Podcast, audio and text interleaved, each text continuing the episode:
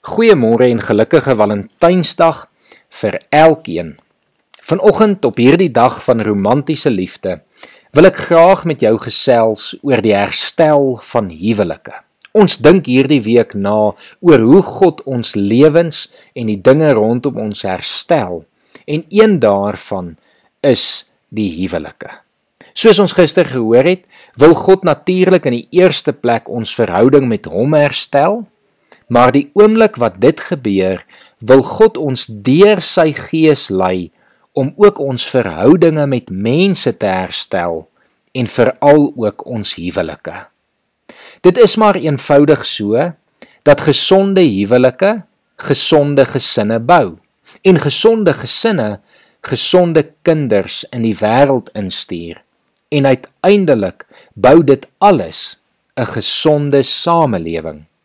Daarom wil ek jou vra om vanoggend weer opnuut moeite met jou huweliksmaat te doen. Vandag weer jou liefde vir hulle te bely en hulle met woord en daad vandag lief te hê. Wees vir jou kinders 'n voorbeeld van hoe liefde lyk deur jou man of vrou lief te hê. Indien dinge dalk nie vandag op 'n goeie plek is nie, wil ek jou vandag vra om moeite te doen om dit om te keer en te verander.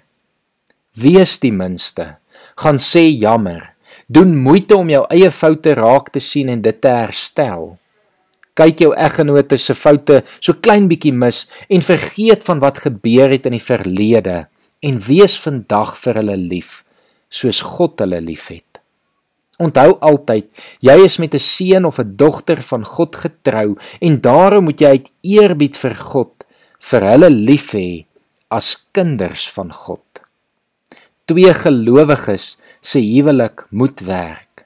Twee gelowiges wat afhanklik van die Here is, moet in afhanklikheid teenoor hom lief kan wees vir mekaar.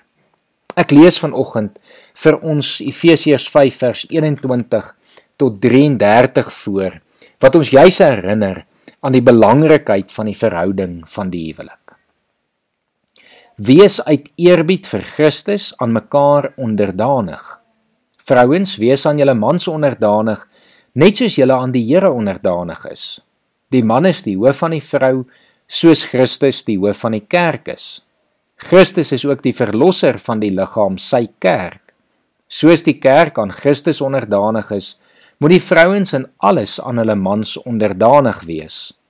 Mans, julle moet julle vrouens lief hê soos Christus die kerk liefgehad en sy lewe daarvoor afgelê het.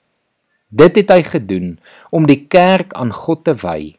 Nadat hy dit met die water en die woord gereinig het, sodat hy die kerk in volle heerlikheid by hom kan neem, sonder vlek of rimpel of iets dergeliks, heilig en onberispelik. Die mans behoort hulle vrouens so lief te hê soos hulle eie liggame. Wie sy vrou liefhet, het homself lief, want niemand het nog ooit sy eie liggaam gehaat nie. Inteendeel, hy voed en versorg dit soos Christus met sy kerk doen, omdat dit sy liggaam is waarvan ons lede is. Daar staan in die skrif: Daarom sal 'n man sy vader en moeder verlaat en saam met sy vrou lewe, en hulle twee sal een wees. Hierin lê daar 'n diep geheimnis opgesluit en ek pas dit toe op Christus en die kerk, maar dit is ook op julle van toepassing. Elkeen moet sy vrou so lief hê soos hy homself liefhet en 'n vrou moet aan haar man eerbied betoon. Kom ons bid saam. Here, ek kom bid vandag vir ons huwelike en ek kom vra dat U daar waar dinge skeef geloop het, dat U herstel sal bring. Here, dat U vandag in mense se harte sal gaan werk, dat U weer liefde in hulle harte sal inplant, Here. Dat U hulle sal help om deur U oë na mekaar te kyk, Here, en dan mekaar lief te hê soos wat U ons liefhet.